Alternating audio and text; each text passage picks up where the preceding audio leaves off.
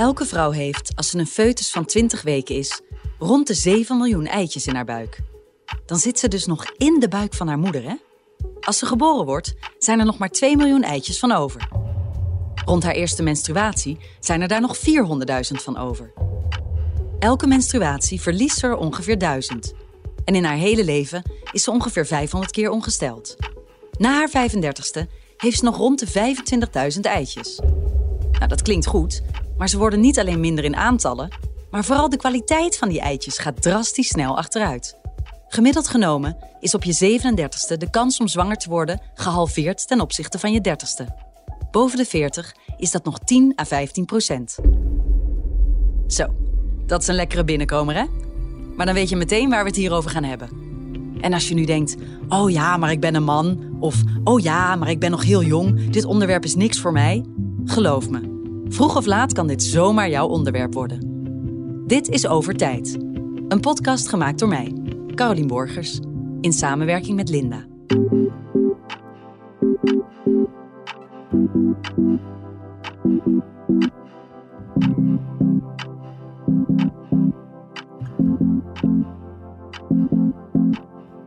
Sinds 11 jaar bestaat de mogelijkheid om in Nederland je eitjes in te laten vriezen om sociale redenen.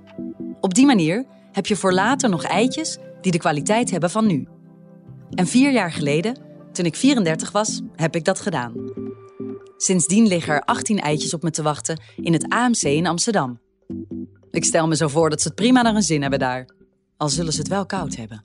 Ze zitten in een vat waar het min 196 graden is. Eat that, Wim Hof. De afgelopen vier jaar ben ik heel blij geweest met mijn keuze om ze in te vriezen. Sterker nog, ik werd een soort wandelend uithangbord voor de behandeling. Tegelijkertijd kwam er in de media ook steeds meer aandacht voor. Vooral in Amerika lieten bekende vrouwen massaal hun eitjes invriezen. Paris Hilton, Amy Schumer, Rita Ora, Olivia Munn, Sofia Vergara, Kim Kardashian, Kourtney Kardashian. En toen die laatste twee vrouwen daarmee naar buiten kwamen in 2017, gingen de behandelingen op sommige plekken met 180% omhoog. Waarom zou niet elke vrouw tussen de 30 en 35 met een kinderwens haar eitjes laten invriezen? Vroeg ik me af. Ik had voor, ja zeker, een fix bedrag, 2800 euro in totaal, mezelf de mogelijkheid gegeven om mijn vruchtbare periode te verlengen, mijn biologische klok te omzeilen en mijn beslismoment uit te stellen. Maar nu vraag ik me af: heb ik wel de juiste keuze gemaakt? Heb ik mijn vruchtbare periode verlengd of vooral de periode van twijfel? Heb ik het mezelf makkelijker of moeilijker gemaakt? En hoe groot is eigenlijk de kans dat ik die ingevroren eitjes ga en kan gebruiken? Kortom, wat heb ik nou eigenlijk precies gedaan? Vanuit die gedachte ging ik de afgelopen maanden met mensen in gesprek. En die gesprekken resulteerden in de drie delen van deze podcast. Zo sprak ik vijf vrouwen. Anna, die op 36-jarige leeftijd net besloten heeft haar eitjes in te laten vriezen. Ja, gevoel van, van dat, dat je toch als vrouw een, ja, een tikkende tijdbom bent. Dat je gewoon niet je hele leven kan besluiten dat je dat wil. Dus dat wij in tegenstelling tot mannen, helaas, uh, toch gebonden zijn aan de, ja, de houdbaarheidsdatum van je voortplantingssysteem. Marieke, die als eerste Nederlandse vrouw haar eitjes in liet vriezen en nu een dochter heeft die gemaakt is uit één van die eitjes. Ze is als eicel, als spermacel en als embryo ingevroren geweest. Ja, werkelijk ongelooflijk dat het gewoon gelukt is. En dat het gewoon een kind is en een super fantastisch... Het werkt, het doet het. het is echt zo waanzinnig gewoon. Ik vind het echt zo waanzinnig dat die techniek dat voor elkaar krijgt. Echt, nou ja, is, is echt magic. Pieter Nel, die net begonnen is aan de behandeling. Ik heb gisteravond mijn eerste prik gezet. Ik dacht dus dat het wordt heel spannend. Maar dat vond ik eigenlijk wel meevallen. Dat ging wel goed. En toen dacht ik, oh ja, maar nu begint het pas. Want nu gaat natuurlijk dat spul mijn lichaam in. En dan, dan gaan we pas uh, ja, aan de hele parade beginnen. Birgit, die op haar 42ste opnieuw moeder probeerde te worden met IVF. Ik heb dus drie jaar geleden een relatie gekregen um, toen ik 41 was met iemand die acht jaar jonger was. 8,5. En hij had nog geen kindje. Dus, nou, eerst is natuurlijk afgetast van de relatie allemaal. Uh, hoe, hoe, serieus is dit? En, maar dan al redelijk snel was er wel het gesprek van... Hm, jij hebt nog wel een kinderwens. Uh, gaan wij dat aan met z'n tweeën of niet? En even bij mijn leeftijd. Normaal gesproken is het wel relaxed als je dat op zich in een relatie misschien een paar jaar wacht. maar dat was natuurlijk hier niet echt in vragen. Omdat ik natuurlijk al op mijn leeftijd ben dat veel mensen zeggen überhaupt... Mm, ja, uh, is dat nog goed mogelijk? Christel, die haar eitjes in ging vriezen en zich toen bedacht. Het was een woensdagochtend. De zon scheen en ik werd wakker en ik dacht... waarom ga ik dit eigenlijk doen? Het was een heel, hele duidelijke in één keer zo van... ik wil dit eigenlijk helemaal niet. En Fiona, die het wellicht wel had willen doen, maar... Ik had namelijk nul rammelende eierstokken, weet je wel. It, it didn't even cross my mind. Ik heb er nooit over nagedacht om dat te doen. Ze vertellen me over hun kinderwens en aan de hand van hun verhalen onderzoek ik wat het betekent om op latere leeftijd een knoop door te hakken om zwanger te worden. En wat voor mogelijkheden er zijn en zouden moeten zijn voor vrouwen die hiervoor kiezen. Gloria Steinem, ja, ik gooi er even een feminist in, want dat is bijna niet te vermijden met dit onderwerp, zegt dat aan de basis van het feminisme de overtuiging ligt dat vrouwen zelf moeten kunnen beslissen wat ze wel of niet doen met hun lichaam. In mijn vorige podcast over haar ging dat over de vrijheid die vrouwen moeten hebben om hun lichaamshaar wel of niet te scheren. En dat een maatschappelijk oordeel op één van die keuzes de vrijheid beperkt. Als het gaat over voortplanting is die keuzevrijheid essentieel. Of het dan gaat over anticonceptie of abortus, dat is glashelder. Maar zouden we vrouwen dan niet ook moeten helpen, indien medisch mogelijk, om hun eigen pad te bewandelen als het gaat over het krijgen van een kind? Ja, zou je denken. Want zelfbeschikking. Maar nee, zou je denken. Want praktische en soms zelfs morele bezwaren. Zoals in de jaren 70 vrouwen al vaak voor de voeten geworpen werd, de biologische klok is een herinnering aan de natuurlijke begrenzing van de emancipatie. Want op latere leeftijd kinderen krijgen. Wat impliceert dat? Ik sprak vier gynaecologen die je gedurende deze drie afleveringen steeds terug hoort komen. Je hoort dokter Lave, professor verloskunde en gynaecologie in het Erasmus MC. Als je 38 bent, dan ben je meestal in reproductieve zin al verouderd. Want we moeten af van het concept dat vruchtbaarheid zo maakbaar is, want dat is het helemaal niet. Dr. Fauser, hoogleraar voortplanting en gynaecologie van het Utrechts Medisch Centrum, sprak ik ook voor deze podcast. In de hele wereld krijgen vrouwen steeds later kinderen, in Nederland ook. Uh, wat is daarvan het risico? Het risico daarvan is eigenlijk tweeledig. Dat naarmate je ouder wordt, dat geldt voor iedereen, genereer je natuurlijk meer ziektes. En, en over het algemeen zijn er dus, nemen de zwangerschapscomplicaties uh, toe bij vrouwen uh, met, met hogere leeftijd. Uh, hoge bloeddruk, begin van suikerziekte, noem maar op. Dus het, is meer, het heeft meer risico voor de zwangerschap. Maar belangrijker nog, de kans om zwanger te worden neemt af. Ook ging ik naar Leuven in België om te praten met dokter Valkenburg fertiliteitsspecialist met expertise op het gebied van second opinion voor Nederlandse vrouwen. Ik zeg wel eens, uh, ja, quote, ik, ik zie hier fertiliteitsvluchtelingen. Dat is een beetje understatement natuurlijk in deze tijden van Oekraïne en Syrië. Maar zo voelen mensen zich. En dokter Godijn, hoogleraar voortplantingsgeneeskunde in het AMC. Een vrouw die twee kinderen wil, stopt op haar dertigste met pil. Even wat feitjes de CBS Emancipatiemonitor uit 2020. In 1975 werden bijna 50% van de eerstgeborenen geboren bij moeders jonger dan 25 jaar. In 2020 was dat nog maar 11%. De gemiddelde leeftijd waarop vrouwen voor het eerst moeder worden, wordt sinds de jaren 50 steeds hoger. De huidige gemiddelde leeftijd van vrouwen die hun eerste kind krijgen is 30,1 jaar.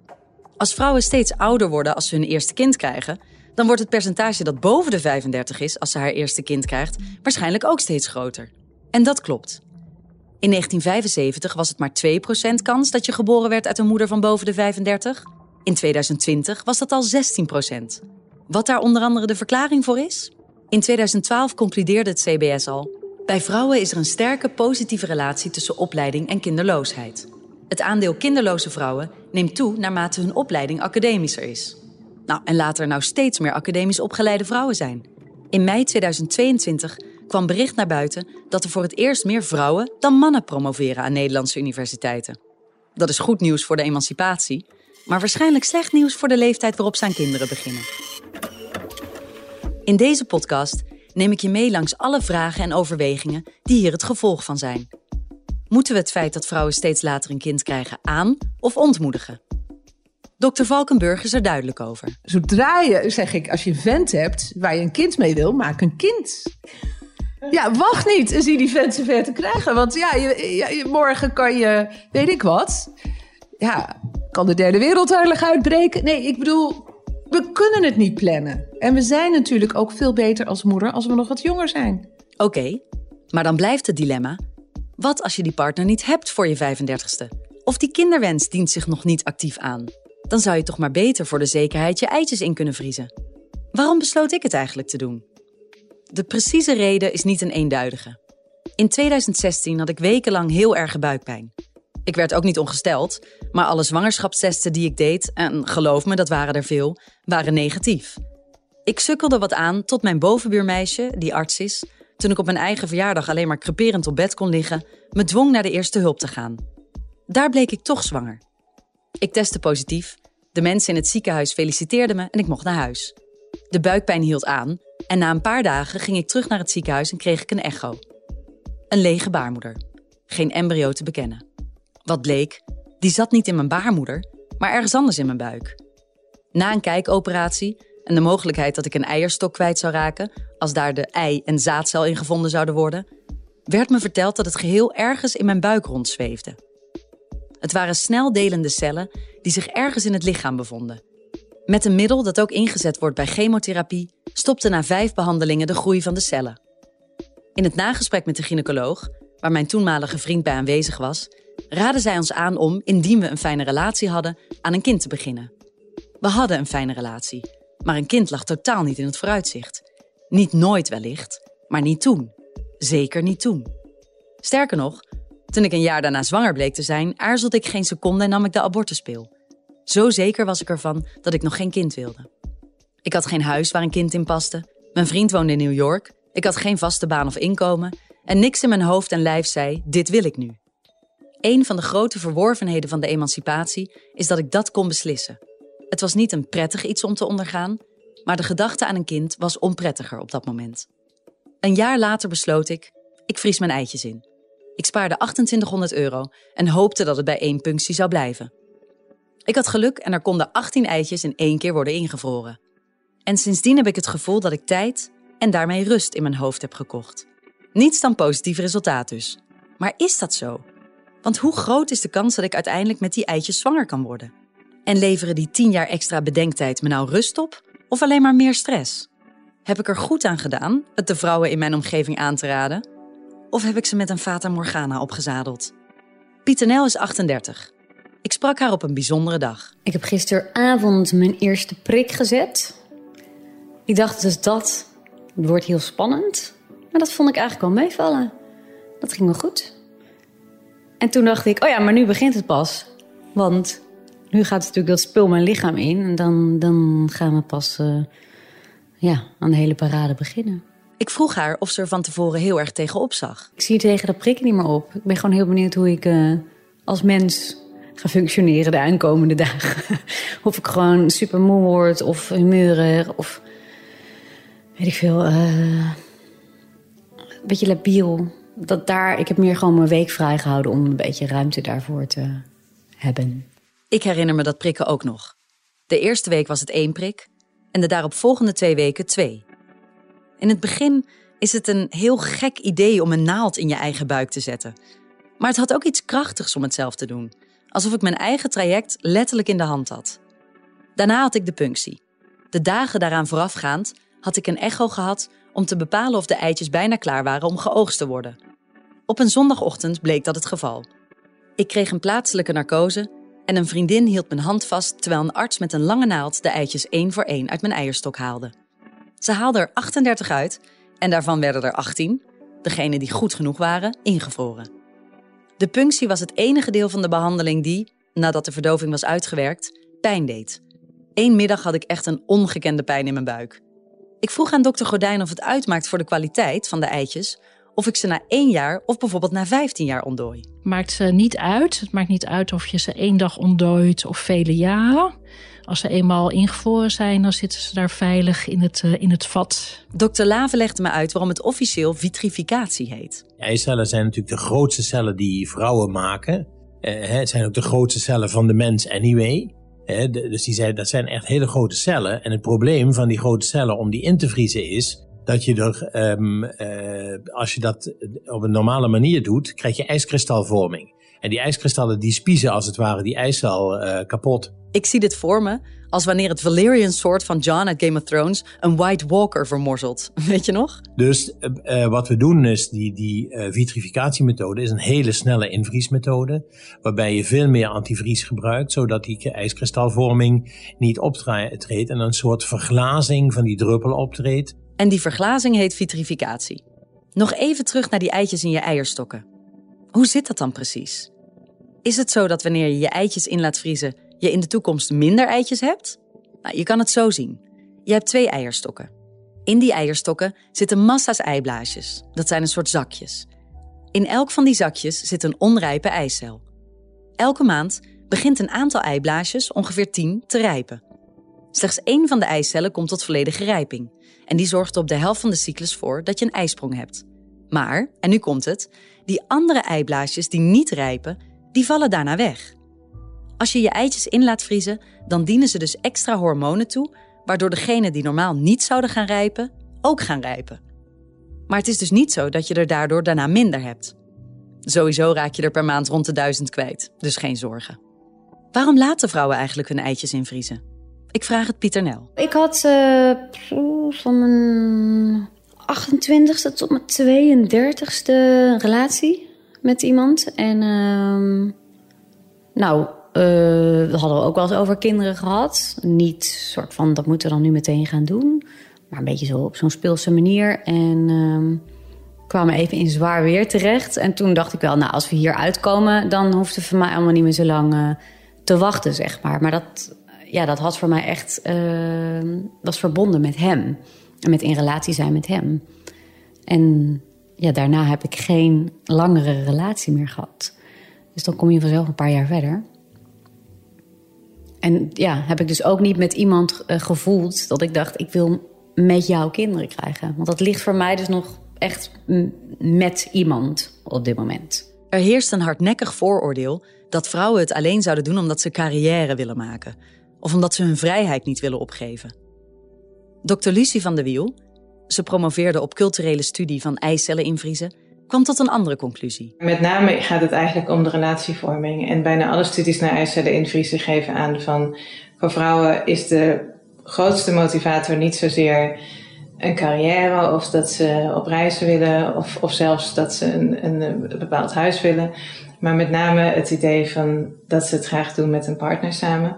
Um, en dat geldt dus niet voor, een, voor iedereen. Er zijn ook veel vrouwen die een eis zullen invriezen omdat ze nog niet zeker weten of ze wel of geen kind willen.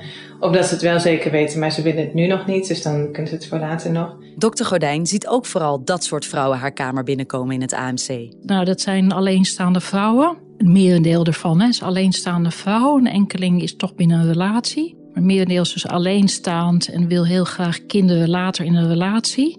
Dus laten eicellen invriezen om het later binnen een relatie met een partner uh, die eicellen te kunnen gaan gebruiken als het nodig is. Uh, we zien vaak ook wel hoogopgeleide vrouwen die besluiten om dit te doen. De meeste vrouwen die wij, als we dus voor de eerste keer op het spreekuurs zien, zijn echt heel goed geïnformeerd al voordat ze bij ons binnenkomen. Als je je aanmeldt bij een ziekenhuis en zegt dat je interesse hebt om je eitjes in te laten vriezen, dan word je eerst uitgenodigd op een informatieavond.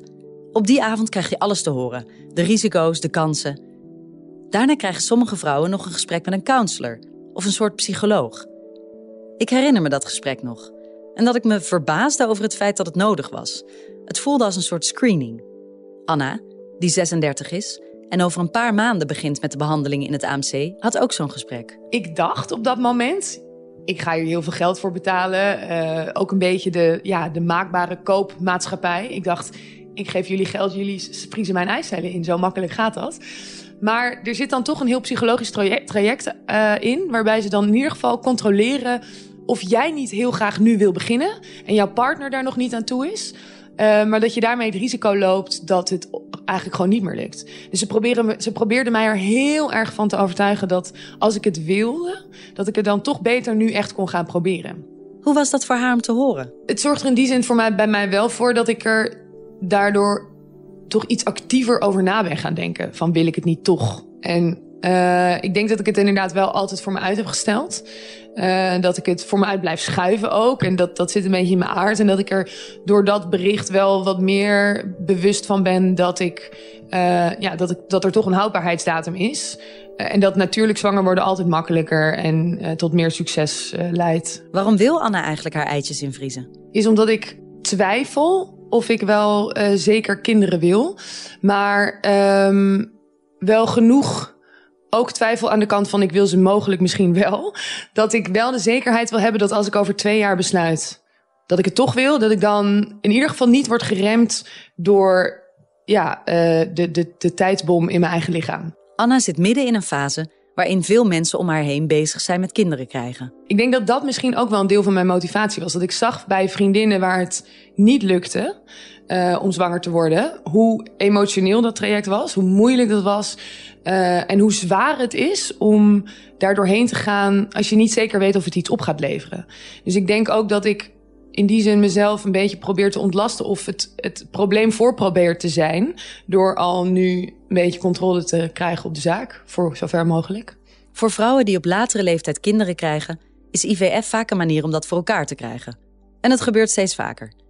In Denemarken worden inmiddels zelfs 8 tot 10 procent van de baby's geboren door gebruik te maken van behandelingen als IVF en ICSI.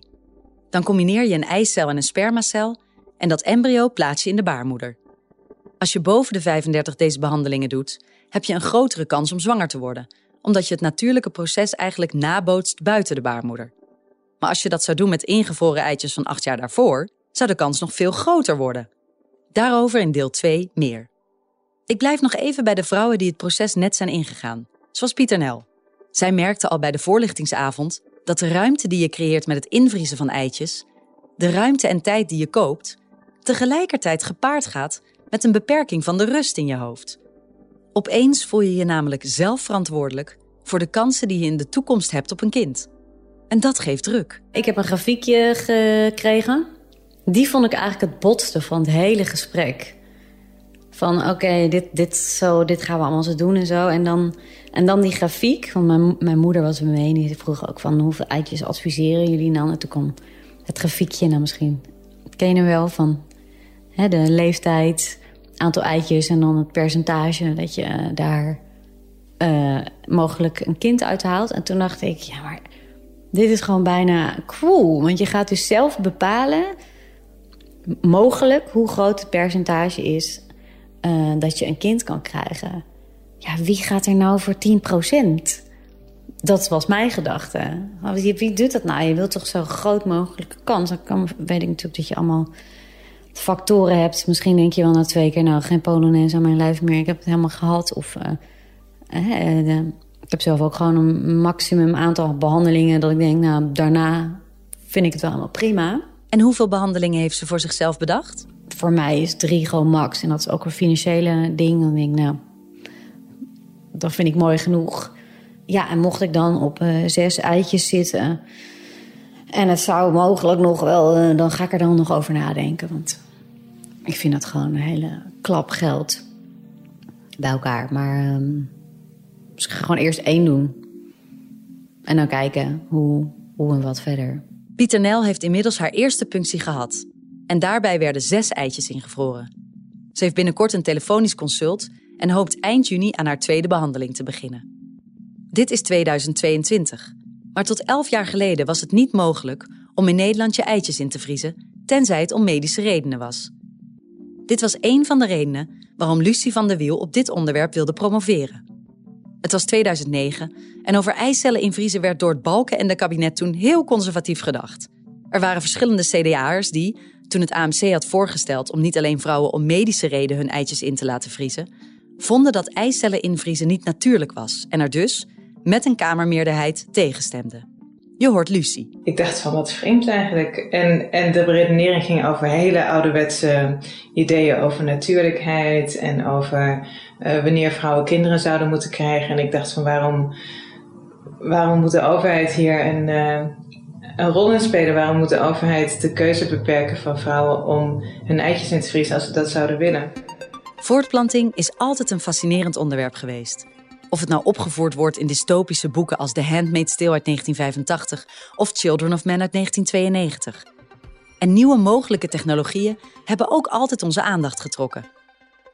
In het boek Brave New World uit 1932 wordt al gesproken over rijen met buisjes vol rijpe eitjes, klaar om nieuwe bewoners van de wereld te worden.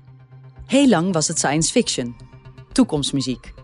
Maar in de jaren 50 werd de eerste vrouw geïnsemineerd met ingevroren zaad. Wat betekende dat er geen geslachtsgemeenschap nodig was geweest bij de bevruchting. Dat was stap 1. Toen, in 1978, kwam de eerste reageerbuisbaby ter wereld in Londen. Louise Brown werd buiten de baarmoeder gevormd uit een zaadcel en een eicel en daarna pas bij haar moeder in de baarmoeder geplaatst. De eerste succesvolle IVF-behandeling was uitgevoerd. Dat was stap 2. In 1984 werd Zoe Leland geboren in Australië. Haar moeder was de allereerste vrouw die elf eitjes invroor. Daarna werden er embryo's gemaakt en van één van die ingevroren embryo's is Zoe het resultaat. Stap 3. Sindsdien zijn de technieken voor het invriezen van eicellen en embryo's enorm verbeterd. Maar sinds die tijd is het dus technisch en medisch al mogelijk. En toch, toen Marieke in 2009 haar eitjes in wilde laten vriezen, kon dat alleen om medische redenen, niet om sociale. Ik was, oud? ik was toen 35 en ik had al jaren geen relatie. Tot mijn dertigste alleen maar. Hè, een aantal lange relaties. Van mijn, weet ik veel, 16e tot mijn dertiende heb ik gewoon een aantal lange relaties gehad. En toen op mijn dertigste niet meer. En toen gewoon vijf jaar niet. En toen dacht ik bij eens, hé, hey, wacht eens even, ik ben 35. Ik heb nu al vijf jaar geen relatie. Als ik nog vijf jaar geen relatie heb. Dus ik zag om me heen van, hé, hey, dat, er, er gebeurt iets in deze leeftijd. Je moet keuzes maken en mannen die, die, die hebben een soort, vrouwen hebben een soort achterstand op mannen. Want mannen die, die, die hebben helemaal geen last hè, in, in dat hele dating gebeuren tussen je 35ste en je, en je, en je 40ste. Die hebben helemaal geen last van, van dat ze niet meer vruchtbaar zijn. Dus die, ik vond het ook een soort ergens oneerlijk of zo. uh, ongelijkwaardig. En uh, ja, en toen, toen dacht ik dus van nou, ik, um, ik wil gewoon wat meer tijd hebben. Ik, ik weet niet precies hoe het leven gaat lopen. En ik wil gewoon meer tijd hebben om en wat meer lucht en een soort wat relaxer zijn. Uh, want, en, en daardoor wilde ik dus mijn eicellen, mijn invriezen. Ze besloot een documentaire Een ei voor later te maken over haar traject van invriezen in België. Waar de behandeling om in te vriezen om sociale redenen al wel was toegestaan. Ze deed op haar 36e drie puncties en vroor respectievelijk 10, 10 en 12 eitjes in. 32 eitjes in totaal lagen klaar in België. Zeven jaar later begon ze in Nederland aan een IVF-traject met de 43-jarige eitjes in haar buik. Die resulteerde in een paar vroege miskramen. Nou, er was een paar vroege miskramen, gelukkig vroege miskramen. Maar goed, toen kwam ik terug. En nou, toen zeiden ook de artsen van, nou ja, hè, ga maar naar België, want daar liggen nog die goede eicellen. En nu zijn ze toch 2, 43 jaar oud. En toen kwam ik terug en toen, toen heb ik besloten met die arts van, nou, ik, ik heb er 32, dus ik ga er acht ontdooien. Dus vier keer acht zou het dan zijn. Ik ga er acht ontdooien en gaan we daar eens kijken wat er daarmee gebeurt. En dus uit die acht, ze zijn nu, de rest is allemaal op, maar uit die acht is dus uh, mijn dochter geboren. Toen ze haar eitjes ging invriezen, had ze nog het idee dat dat zou zijn om een kind te krijgen met haar grote liefde. Of in ieder geval met een geliefde. Maar uiteindelijk is mijn dochter dus geboren met een, uh, nou, een vriend die op mannen valt, weet je, een gay friend. Dus, dus ja, het leven is ook weer helemaal anders gelopen dan ik, uh, dan ik had verwacht of gehoopt, maar uiteindelijk toen had gehoopt. Maar uiteindelijk vind ik dit ook helemaal leuk en tof. En uh, ja, het kan, je kan op zoveel manieren, verschillende manieren, uh, een, een, een kind krijgen of een gezin vormen of wat dan ook. Weet je wel, daar sta ik nu ook zo anders in dan, laten we zeggen, 15 jaar geleden. Marieke vroor 32 eitjes in en koos ervoor om er eerst acht te ontdooien en te zien hoe die het in ontdooide toestand zouden doen. Zes overleefde het niet. Een paar daarvan ontdooiden niet goed, een paar gingen niet goed samen met het sperma, een aantal vormden geen goed embryo. Uiteindelijk had ze twee embryo's die zijn teruggeplaatst. De eerste, de A-keuze, eindigde in een miskraam. Maar de tweede... Dus mijn dochter is nu de B-keus, sorry. maar die is dus opnieuw ingevroren. En dus hij is gewoon drie keer, hij is als eicel, als sperma en als embryo ingevroren geweest. Ja, werkelijk ongelooflijk. Dat het gewoon gelukt is. En dat het gewoon een kind is. Het werkt, het doet het. het is echt zo waanzinnig gewoon. Ik vind het echt zo waanzinnig dat die techniek dat voor elkaar krijgt. Echt, nou ja, is, is echt magic. Marieke vroor op 36-jarige leeftijd 32 eitjes in. Na in totaal drie puncties van rond 3000 euro per stuk. Na ontdooiing van de eerste acht eitjes zat daar al het eitje bij dat zou resulteren in haar dochter. Dat is voor een deel geluk en voor een deel een kansen- en risicospreiding. Het feit dat de eitjes relatief jong waren, namelijk die van een 36-jarige vrouw, draagt bij aan het feit dat haar IVF-behandeling gelukt is. In het tweede deel van Overtijd spreek ik met twee vrouwen die op latere leeftijd nog een tweede kind wilden. Ik praat met ze over de problemen waar ze tegenaan liepen. Waarvoor ze overigens allebei uitweken naar België. En daar ga ik het ook over hebben. Wat is die aantrekkingskracht van het buitenland als het om fertiliteit gaat? Ik zou willen zeggen, er is ongeveer er is niet één land in de hele wereld dat, dat, dat niet liberaler is dan Nederland. Uh, wij zijn ontzettend uh, streng. En inderdaad nog, ja, ik zou zeggen, ouderwets paternalistisch. Uh, dat de, de, dokter bepaalt wat het beste is voor de patiënten.